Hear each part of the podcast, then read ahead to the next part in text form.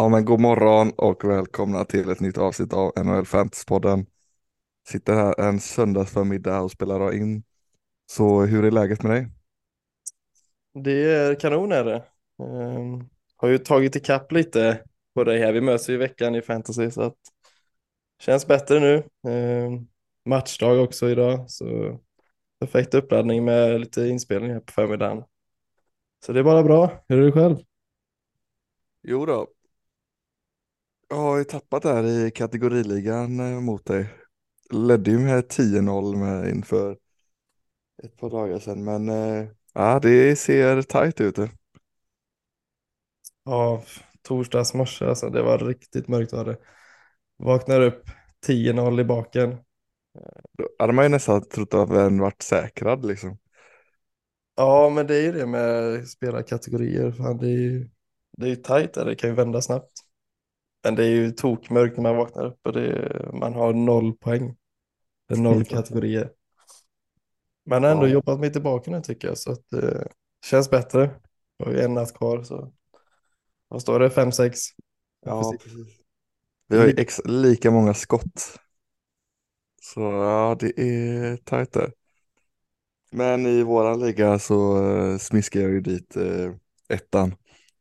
Och det är jag inte helt onöjd med. Ja, det är härligt. Han ligger väl, vad ligger han? Inga torskar än så länge. Nej, han ligger 8-0.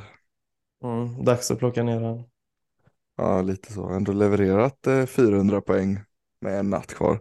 Så det, är- ja, det är inte fy skam från, från gubbarna. Vi börjar ta det tillbaka nu i våran liga här. Ja, men jag känner ändå att jag har två raka nu. Tyck, känner ändå att det är på gång. 4-4.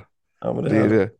Vi, det är ju bara att vi ligger fyra stycken på samma record där. Så att, eh, ja, det är, är kämpigt. Ja, gott. Men Men vi jobbar på det. Vi jobbar vidare. Sant. Jag har väl 460 poäng just nu så att jag känner mig också rätt nöjd. Börjar eh, se ut som ett litet powerhouse tycker jag ändå. Med mina gubbar som kommer tillbaka från skadorna här. Med Letang och Klingberg. Du var ändå rätt snabb där på eh, Letang. Jag tänkte ju ta upp han, men så var han inte IR. Så tänkte jag att jag måste vänta lite eftersom jag möter ettan.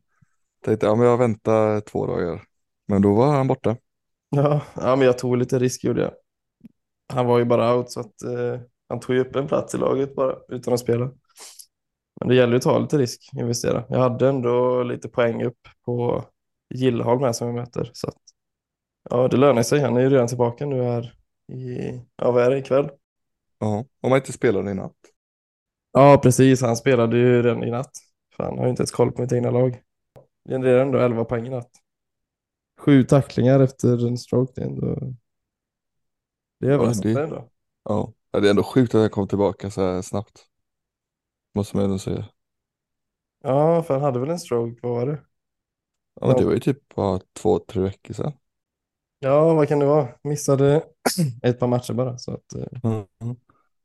För att han hade det ju för ett par säsonger sedan. Och då var han borta ja, några, tre, fyra, fem månader eller något sånt. mm, så det Vilket lite, känns ändå som att det borde vara mest rimligt. Det är ja, sjukt att han har gått så snabbt. det var väl lite så de flesta trodde också. Men sen fick man ju den här notisen att han var på is och tränade var det efter någon vecka. Ja, Och de sa att jag han på IR så att eh, då var det bara att chansa kände jag. ja lika bra. Men ja, det är tajt i våran liga. eh, Eller vårat möte. Så Ja, det är jobbigt. Har du några sista moves nu inför eh, natten? jag gjorde ju en igår. Tog in eh, Kaljev i Kings. Ja, De spelade dubbelmatch. Så det var väl lite därför. Jag vet inte om han, eh, han gjorde så mycket. Han skjuter väl två skott, en tackling typ. Men det är väl bättre än att ha en gubbe på bänken som, eh, ja vem var det? Marcus Foligno droppade tror jag. Nej, jag måste också kolla in någonting. Men jag Det är ju det att mina sista, de eh, streamingplatserna är ju de som spelar i natt. Ja det är så. Du har Ja. ingen riktig streamplats ledig att byta ut. Ja, det hela om Binnington ska få lämna. Han spelar ju ikväll, men jag tror bara att han kommer skada mer än han gör nytta. Oh, har du något eh, svar från förra veckans podd? Du fick ju ganska mycket skit i veckan här när du eh, ändå sa att du skulle skicka Binnington. Det var sista potatisen som eh, sattes förra veckan. Ja, men jag Då sitter han tycker kvar i laget nu. jag fick, det var alldeles för mycket ståhej kring det och eh, ingen rök utan eld och därför sitter han kvar. Ja. ja, ja. Har det gått bra för honom i veckan nu då? Så det var värt att sitta kvar på honom eller? Absolut. Han levererar. Han levererar som aldrig förr. Nej det gör han inte riktigt och eh, Gibson som jag droppade har ju varit eh, svinbra så att han får tugga på. Så du kanske, det kanske blir dropp i kommande vecka då? Kan vi vänta oss det? Han har inte spelat på hela veckan så att eh, han har tuggat på. Får se om han får starta i natt. Annars, eh, nej. Så. Ja, Jag hoppas ju lite på att han kommer starta i natt för dig nästan.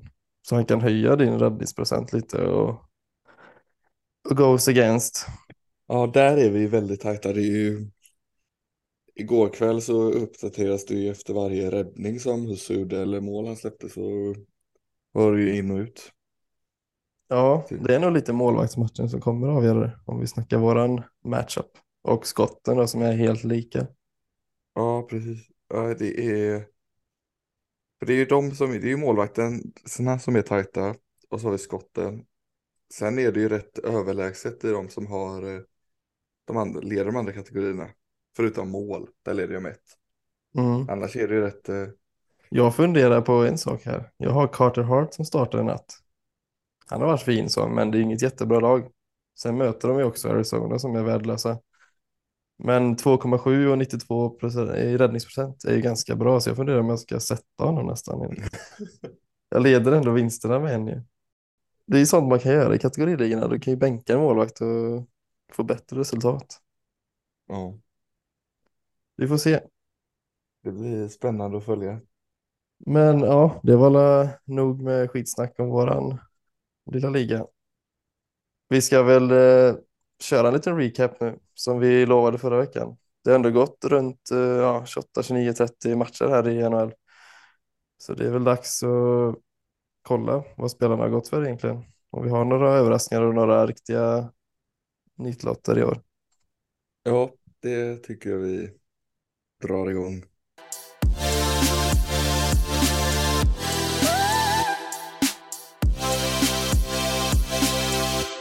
Om vi börjar kolla på överraskningarna så har vi en som sticker ut rätt mycket får vi ändå säga. Och det är ju Tage Thompson. Som har absolut exploderat. Det Ja, vad sitter han på? 41 poäng, 28 matcher, ja, 21 ligger plus 20. femma. Var rankad eh, 110 inför säsongen. Och det Ja. tyckte man ändå var lite högt rankat. Vad vet jag. För man såg ju när han nästan som ett tak där man tänkte, ja men han gör väl sina 30 mål kanske. Om man har tur. Ja. 25-30. 65 poäng, 70 max. Ja. Ja, eh, jag ser han som kanske ja, 120 rank, något sånt, topp 120. Ja. Men ja, det är också på grund av eh, laget han spelar i. Ja. Ja men precis, att, man, att han har ju inga superstjärnor med sig heller. Så att det, ja men precis där 120, man, man såg ändå att det var ändå en stabil 120. Ja, alltså inte nära topp 50 ens tycker jag inte. Mm. Men som du säger, han har inga stjärnor. Alltså, men det är mycket highlights-klipp på Tage Thompson. Alltså han gör mycket ensamt ändå tycker jag. Ja Och verkligen. han har verkligen stämmet. Ja, han hade ju sin eh, sexpoängsmatch där, 5 plus 1. Han gjorde fyra kassar i första perioden. Mm. Jag tycker inte han är så bra dock. Men eh, han är verkligen på rätt plats vid rätt tillfälle. Och eh, han har ju något jäkla självförtroende. Och då, då flyter det ju på, gör det. Ja, det är verkligen. Han är ju ändå fin så, men eh, jag tycker inte han är en solklar första center i alltså, i topplagen. Utan eh, Nej, han inte. Jag känner, vet inte vad det är som har hänt. Han har bara fått stämmet, det har bara funkat. Ja, Frågan är ju om det här kommer hålla sig, om detta är, antagligen kommer det ju hålla hela säsongen kan man ändå se. jag Känns tror det det då. Kanske inte som eh, slutar på en femte plats men eh, Nej, alltså femma eller 30. Ligga femma eller 20 är ju lite samma skit. Det skiljer inte många poäng däremellan. Nej, Men ja, han slutar nog topp 50 då skulle jag säga. Men, ja, ja, ja. Jag skulle nästan säga topp 40. Ja, topp 40. Ja, det, det är samma skit däremellan, det skiljer liksom eh, en bra match så har du stigit fem eh, placeringar. ja. Nej, jag förstår inte riktigt. Jag har lite svårt att greppa och köpa hans storhet egentligen. Ja, Eh, han har ju fått med sig Dalin i alla fall, som eh, hjälper han lite grann i produktionen. ja Har verkligen. ändå ett bra första powerplay. Dalin point, Tage Thompson vänsterflank. Ja, och så har han ju fått med sig, han har ju dragit med Skinner på resan också. Ja, Som eh, också är rankad eh, 30. gamle Skin har kommit igång igen. Ja, det Trodde man inte. Nej, det trodde man absolut inte. Han blev ju eh, avstängd nu i tre matcher, men han hade, gjorde ju fyra assist där när i Thompson. Ja. Men det är väl ändå, det är ju Thompson som driver Skinner. Han tar Ja. upp han på ryggen lite. Eh, Ja, han är ju, eh, har någon riktig bounceback så rent. Alltså han ser inte bättre ut än vanligt. nej, nej, nej. Men han får ju är, med sig pinnarna får han ju. Han är absolut bara en produkt av att eh, Thompson har gått så bra. Men det är ändå Nej. kul att se, det var ju inte självklart att Skinner skulle draftas. Han gick som 222 i vår liga. Ja. Nej men han var, fan, han var fjärde line i stor del förra året. Ja, Och alla hatar väl egentligen på hans situation. Vad tjänar han? Strax över åtta. Och är väl, alltså han har ju inget värde alls när han inte presterar. nej. Sätta en sån i en fjärde line är ju bara, han tar ju bara upp en plats egentligen. Ja. ja, man vet ju inte av med han, vi, jag har inte sett tillräckligt många Buffalo-matcher i år för att eh, kunna säga, men det känns inte som att det riktigt är han som gör Thompson bättre, utan det känns som att han har bara fått åka med på tåget. Ja, lite så va? Det känns som att det hade lika gärna kunnat vara vem som helst. Men de Ja, kanske har jättegod kemi och att eh, ja alltså en, en bra kemi och självförtroende och så har man liksom, man får in några puckar, då kan det gå ändå rätt bra. Då Ja. får man ändå förtroende, de får mycket speltid, de får powerplay. Så då kan det ändå, kan det ändå bli något. Skinner har ändå gjort 40 mål ett år, så något har han väl. Även Ja. fast eh, han har gått neråt senaste åren. Men du ser inte han som en eh, point per game-spelare eller? Nej, inte riktigt va. Men det har mycket, jag tror självförtroende spelar mycket roll alltså. Ja. När man blir satt i en fjärde line och tjänar mest i laget så då är det inte lätt kanske. Att vara en spelare. Nej, så är det. Han Men- spelar ju bara 15 minuter per match. Så att, eh, Ja, han gör det. ja. Det är väl Tage Thompson som har de större minuterna tänker jag. Ja, det är väl lite kul för han. Ja, Man får se det. Det är positivt. Han gör ju någonting för Thompson i alla fall.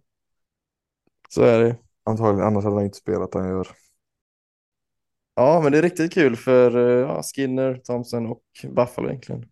Eh, Nästa spelare som ändå, ja det blev väl en överraskning för mig idag eh, hur det har gått för honom och det är ju Morrissey i Winnipeg. Kollar tabellen, ser att de ligger etta. Eh, också en liten överraskning. Men eh, ja, vad har vi på Morrissey? Jag har inte följt han riktigt i år. Eh, han har inte varit nära och alltså, varit på free agents-listan och det är inte någon jag har tittat på för en trade. Nej, men han ligger ju där på 30 eh, poäng på 26 matcher. Eh, 25 assist. Och leder ju hela Winnipegs eh, poängliga. Mm. Spontant känns det som att ja, mycket assist. Det känns som att det är mycket powerplay. Och det är Ja, väl han som har powerplayet nu va? jag inte minns fel. Det känns ju som att Pionk har tappat den positionen lite inför i år. De körde Ja. väl lite två backar förra året, men nu känns det som att Morris är han ensam eller? Ja, precis det är han. Det måste ju vara, känns som att det är mycket powerplay på. Pionk har faktiskt tappat andra PP också. Mm, det är så. De har ju ändå Nate Schmidt som är en eh, power, lite mer powerplayback. Mm, jag tänker första powerplay, de har ändå Kyle Connor, vad är han? Han är väl ändå topp fem sniper i NHL. Ja. Kan man ge han pucken och fördela lite från pointpositionen så då kommer det assist om man har ett bra powerplay. Jag tycker ändå Winnipeg länge har haft typ bland de bästa topp sexorna i NHL, alltså forwards framåt. Ja, men ett PP kanske är på väg med neråt. Dubois, Scheifele och Wheeler och Connor med Morrissey. Det är ju ett bra powerplay. Ja. Om är någon borta, man har fortfarande Ehlers, man har Dubois, alltså man har ju gubbar att stoppa in som är elit, alltså bra topp 6-spelare. Ja. Ehm, De har rightare, de har leftare, playmaker, snipers. Så att eh, det är väl backsidan som har varit dålig i Winnipeg. Så framåt är de ju jäkligt vassa. Jag tycker de alltid har varit det. Ja. De har ju ett bra lag. Och så har de ju en målvakt som har eh, levererat också. Ja, han är väl lite tillbaka nu, Helleback. Uh, vad hade han? Jag kollade i morse. Han hade sex, sju raka vinster de senaste starterna. Ja. Rankad 19 just nu. Det är ändå målet. Jag har gillat han ganska länge i fantasy. Och det är ju också för att de får så mycket skott på sig i Winnipeg. Ja, men det är, det är din gubbe. Ja, det är min gubbe. Trots att eh, han inte sitter i mitt lag i år. Men han har ju alltså räddningsprocenten kanske inte blir den bästa, men eftersom att han får så mycket skott och ändå vinner matcher nu i år så blir han ju ja, topp 1-rankad just nu som målvakt. Ja, han har en räddningsprocent på 93. Mm, riktigt bra. ju. Så ja, han har faktiskt varit... Eh, det trodde man inte, för förra året levererade han inte alls lika bra. Det här var ju en av de större besvikelserna. Ja, jag tycker ändå han var okej. Han var ju en slutade ändå topp 100, topp 80 någonting. Ja. Men det När är du draftade så hade du tog han i andra rundan. Ja, precis. Typ 20 någonting tror jag. Så alltså det är svårt och man kan ju inte, äh, kan inte anta att en målvakt slutar topp 20 heller. Nej, Men topp 80 är väl lite högt kanske för en Helleback. Men de hade ju lite tuffare år förra året, Winnipeg. ja, men så är det. I år ligger de i etta och det är ju kanske mycket hans förtjänst. Men också alltså offensiven ihop med Morrissey. Ja, precis. Det Ja. heller, eller vad heter han? Inte Helleback, utan eh, Dubois har ju också kommit tillbaka och är, eh, ligger över point per game. Mm. Ja, men det är kul att se. Han är ändå en gubbe som har fått kriga för en del. Ja, men verkligen. Det, ja, men det är faktiskt roligt att se jag. Han är ju lite av eh, min gubbe. Jag sitter ju på han i våran liga. Mm. Det känns som att eh, han har äntligen fått eh, blomma ut lite. För förra året var han ju lite upp och ner. Men det var ju så som det var ju. Hela Winnipeg var ju inte bra förra året. Nej, då är det inte lätt. Sen är det ju en jäkla konkurrens för honom också med Scheifele som första center. Och på kanterna så har de ju också alltså fullsmetat med, med bra forwards. Ja, Så han har ändå något. Han är ändå en point per game skulle jag säga. Alltså 80 poängs gubbe ändå. ja jag håller med. Jag håller helt med. Så, Det skulle vara kul att se när Ehlers kommer tillbaka sen. ja. ja, det är en till fin forward. Jag har Men- inte stenkoll på vem. eh, Är, vet du vem det är han brukar spela med? Spelar han med Scheifele och Wheeler eller är med Connor och Dubois? Jag har väl inte koll på deras lines just nu, men eh, förra året följde de ganska hårt. Eller ganska tätt. Då var jag ju mycket med Scheifele. Ja. Sen så roterade de upp lite. De hade mycket Connor i andra line förra året. Ja men precis, ja, men det är det de eh, sitter på nu, Dubois och Connor i den andra line. Ja, precis. Så det är väl Ehlers med Scheifele i Wheeler. Som brukar vara deras formation egentligen. Men för att sammanfatta så vi kommer väl ändå fram till att hela Winnipeg är nästan en överraskning än så länge. Ja men det får ju faktiskt vara för det trodde man inte. Det var ju det tränarbytet och det var mycket strul. Han fick ju inte in eh, Barry Trotz som han ville ha i, i, i somras. Som han är ju från Winnipeg. Mm. Och de har ju lite, det är, inte, det är ingen som vill bo i Winnipeg. De Nej, men man har ju hört det. Det är väl, eh, vad är det?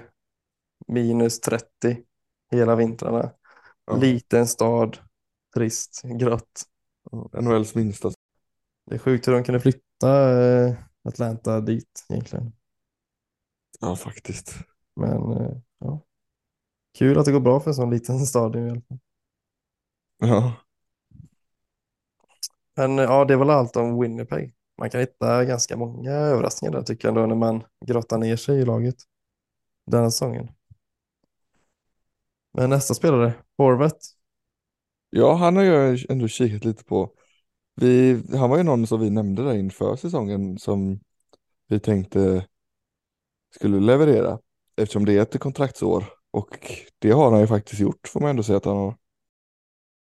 Ja, han har ju verkligen levererat. Rank 25 just nu.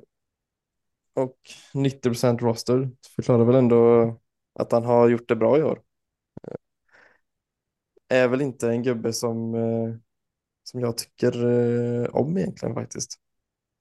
Men i, alltså, i vår kategoriliga hade jag gärna haft han för att han är ju center, tekar mycket, spelar box, spelar powerplay.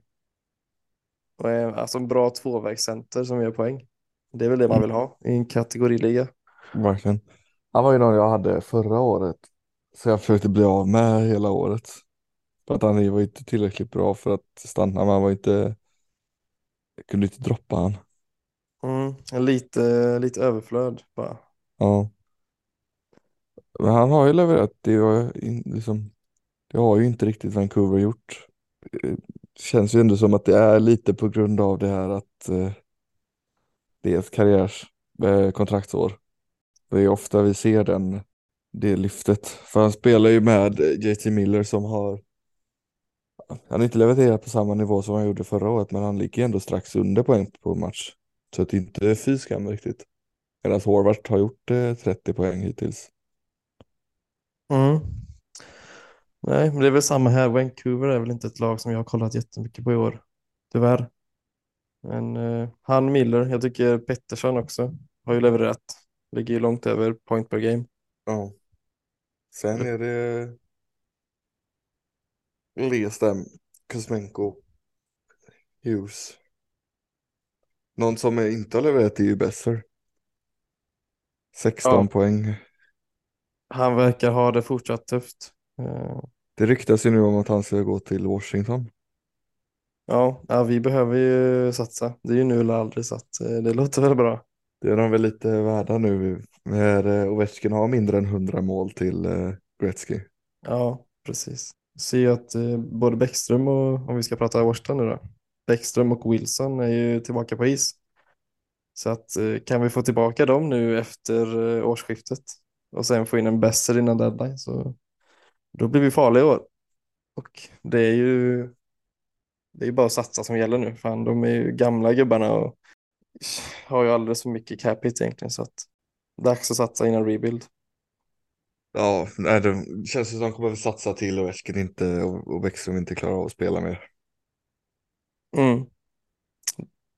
Och det är ett par år kvar men eh, de blir inte bättre Ovechkin och Bäckström direkt. Så ja, jag är väl lite pessimistisk. Tänker väl att det är detta och nästa kvar. Sen så är det nog inte så mycket mer i tanken. Jag tror inte de har råd att fylla ut med så mycket bra spelare när de har skrivit de här kontrakten med Bäckström och Ovechkin. Nej, de har inte så mycket capita, de har inte så mycket talanger. Men det är ju så det blir när man är bra under en längre tid. Ja, så det blir ju utvattnat. Man satsar ju varje år och man får ju drafta sist varje år ungefär. Så det är ju, eh, det är ju livscykeln i NHL tyvärr.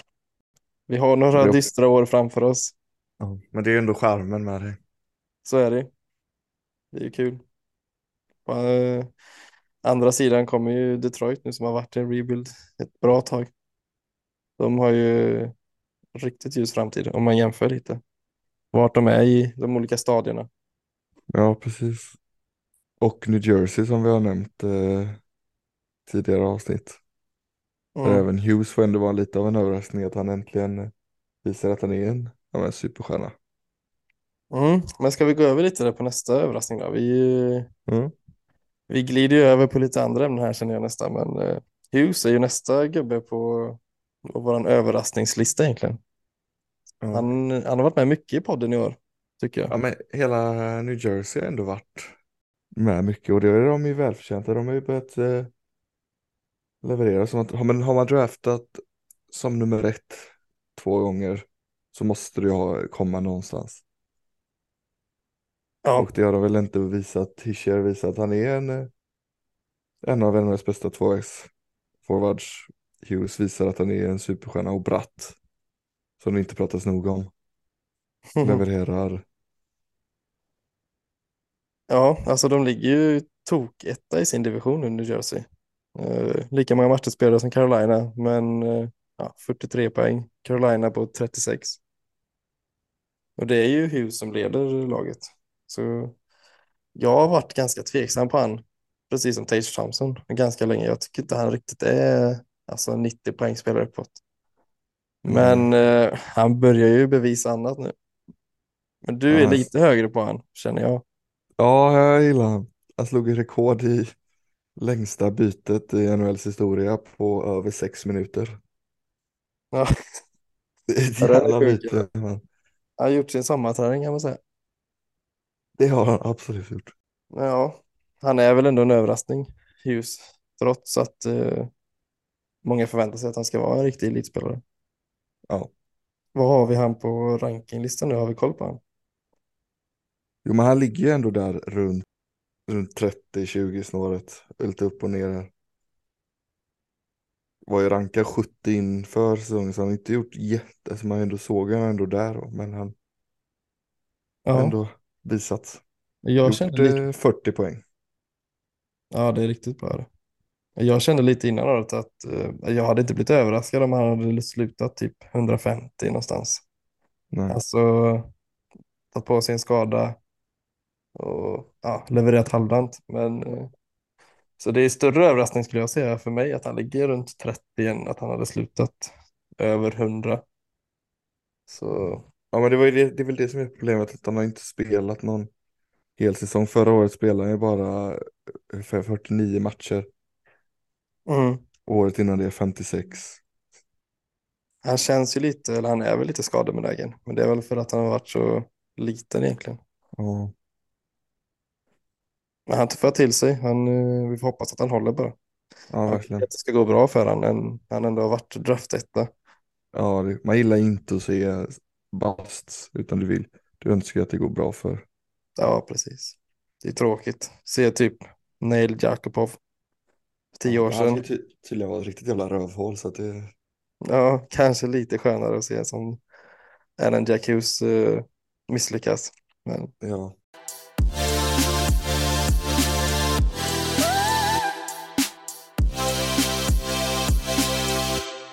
Så kommer vi till de lite mer tråkiga sakerna. De som har underpresterat under året. Är det någon speciell där du tänker på? ja, men vi har ju skrivit upp ett namn här, så jag tänker att vi börjar med det. Det är ju Viktor Hedman. Eh, vi har ju fått lite, lite från eh, chatten i ena ligan här att vi ska ta upp Viktor Hedman och vad han sysslar med egentligen. Han har väl underpresterat ganska grovt tycker jag. Eh, trots att han sitter på sitt första powerplay och första backpar i ett av världens bästa lag. Så Vad har han nu? 1 plus 10. 11 poäng. Det är väl inte riktigt likt han. Vad, vad känner du för Hedman? Men Vad tror du det är som har gjort det då? Vad är det som...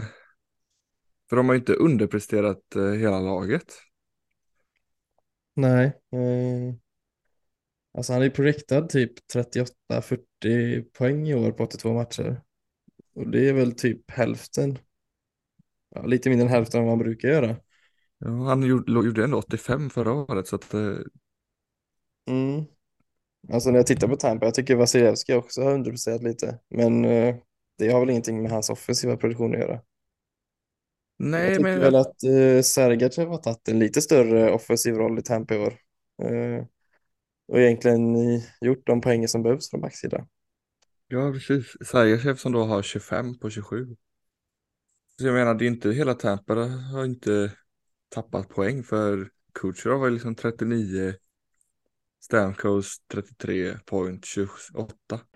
Och kollar man line-upsen så är ju Sergachev tredje backpar och andra powerplay.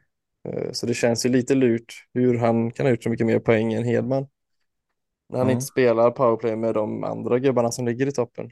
Så det känns som att de ändå har varvat in Sergachev i första powerplay. Det måste ha varit så. Eh, det måste vara så.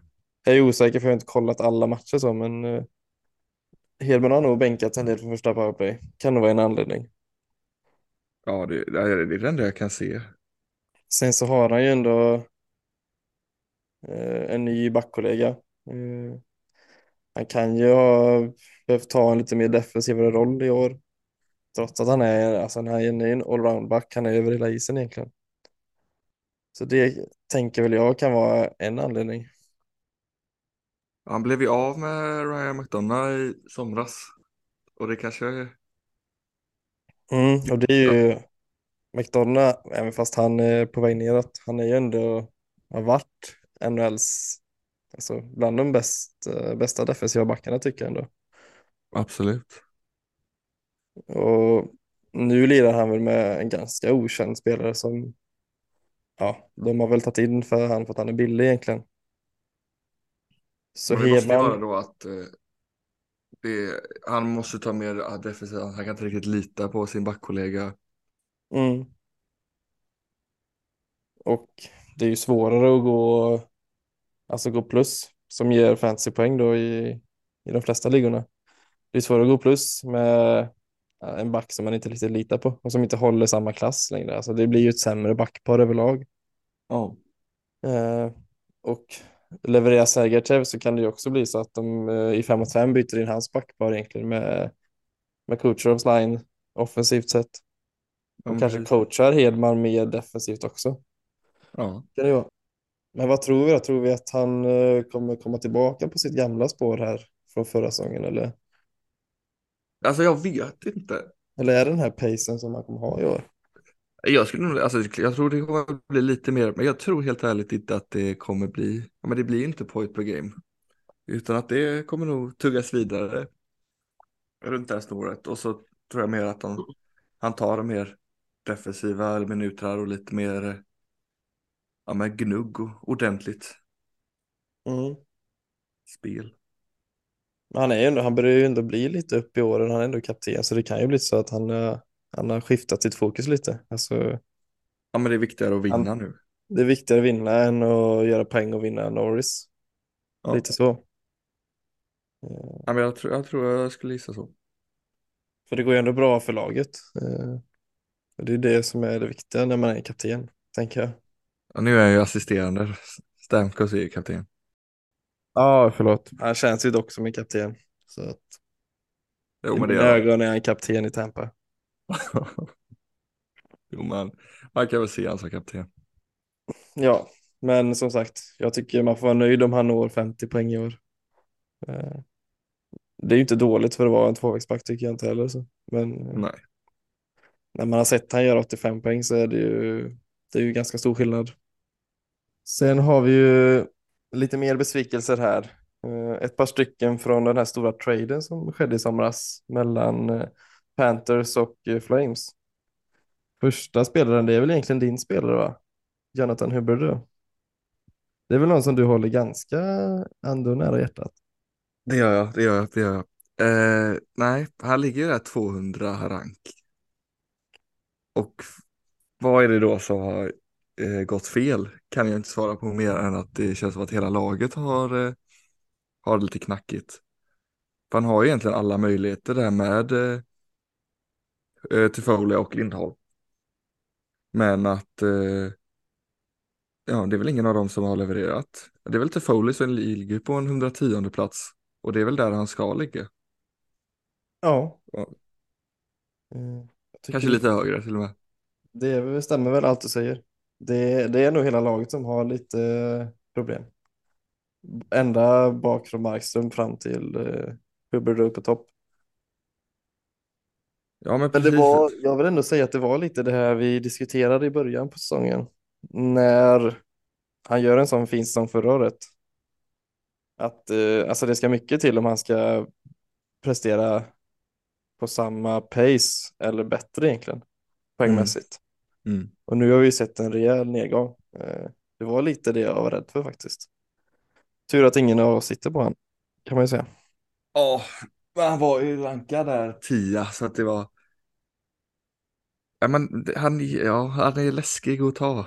Ja, det är farligt när det är en sån stor trade, alltså byta från något som funkar så bra. Det Ja, är precis. alltid farligt tycker jag.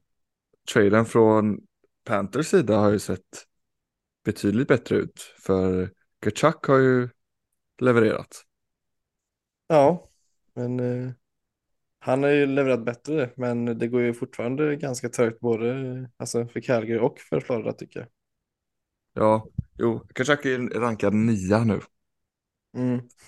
Det är ju rätt bra i fantasy. Det är hyggligt.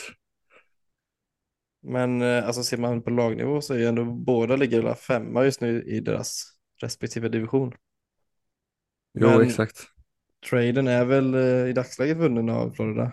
Ganska såklart. Uyghur har väl inte heller riktigt varit det som han var på gång att bli. En, alltså en första elitback. Det är väl Nej, egentligen exakt. Rasmus Andersson som har överraskat eller tagit steg egentligen som man trodde i, Ja. i Calgary. Ja. Och egentligen tagit första rollen och ja, powerplay-rollen i Calgary Flames. Så det är tufft om man tog, eh, om man gick på den här traden och tog Uyghur och Hubbard ganska högt i draften. Då sitter man i en ganska jobbig situation nu. Det är ju inga spelare, eller Uyghur är inte i närheten av att kunna droppas och det är nog svårt att, att trada när det har gått så knackigt. Ja, det är nog inte många som vill ta Uyghur. Men det är Men- väl sådana, alltså, det är väl om... Nej, jag tror, jag tror hela denna säsongen är körd för båda dem. Jag, Ja, tror inte, det jag skulle inte säga att det är ett köpa lågt läge nu. Det är ingen idé. nej, Hubbard går ju inte att köpa lågt. Han är väl, det är väl fortfarande en, en topp 10-spelare om man ska ha han. Ja, Men jag tänker Det är ändå runt eh, 50, den snåret där någonstans. han kan man nog ändå få. Är man någon GM som är riktigt trött på han kan man ändå, det är lite flummigare siffror där tänker jag. Alltså, Hybbe är ju elit, men det är inte riktigt Uyghur. Så det är lite mer eh, förhandlingsläge där skulle jag säga. För de har ju ändå sparkapital, de ska ju vara, alltså de var ju tippade bland de lagen att vinna i år på vissa sidor. Ja, verkligen, verkligen. Så de borde ha lite sparkapital och det är ändå bara gått, ja, inte ens halva säsongen.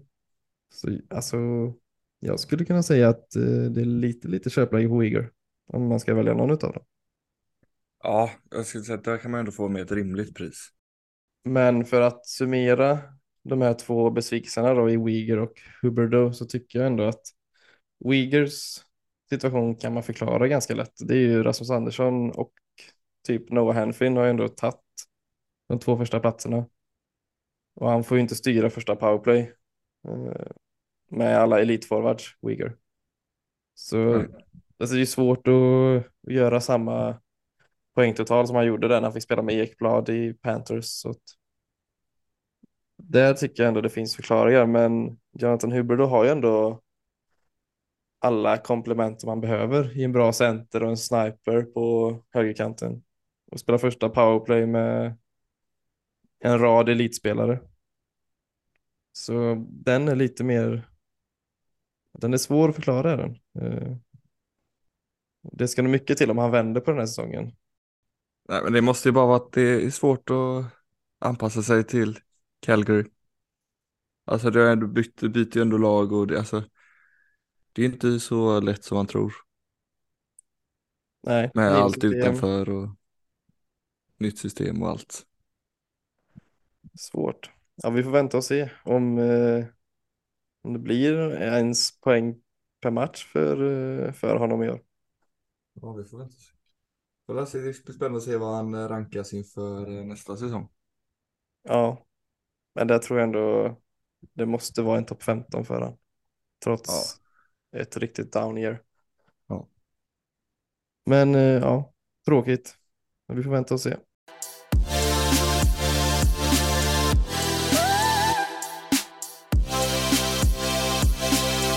Så det var allt för denna veckans podd, tänker jag. Vi eh, har vi gått igenom eh, de flesta nyheterna här och gjort en liten recap på både på lagnivå och på spelarnivå. Ja, precis. Det var gott att få lite, gräva ner lite i statistiken.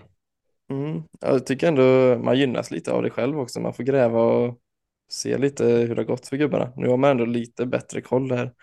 När man har tvingats till att gräva ner sig i, i lag som eh, Calgary och New Jersey. Så att eh, Ja, gynnar man, även en själv. ja, man gräver sig oftast bara ner i de lagen där man antingen tittar på spelare att ta upp eller spelare som man själv sitter på. Sen eh, släpper det ofta de andra lagen lite grann. Ja. Och jag kollar ofta bara på spelarnivå också.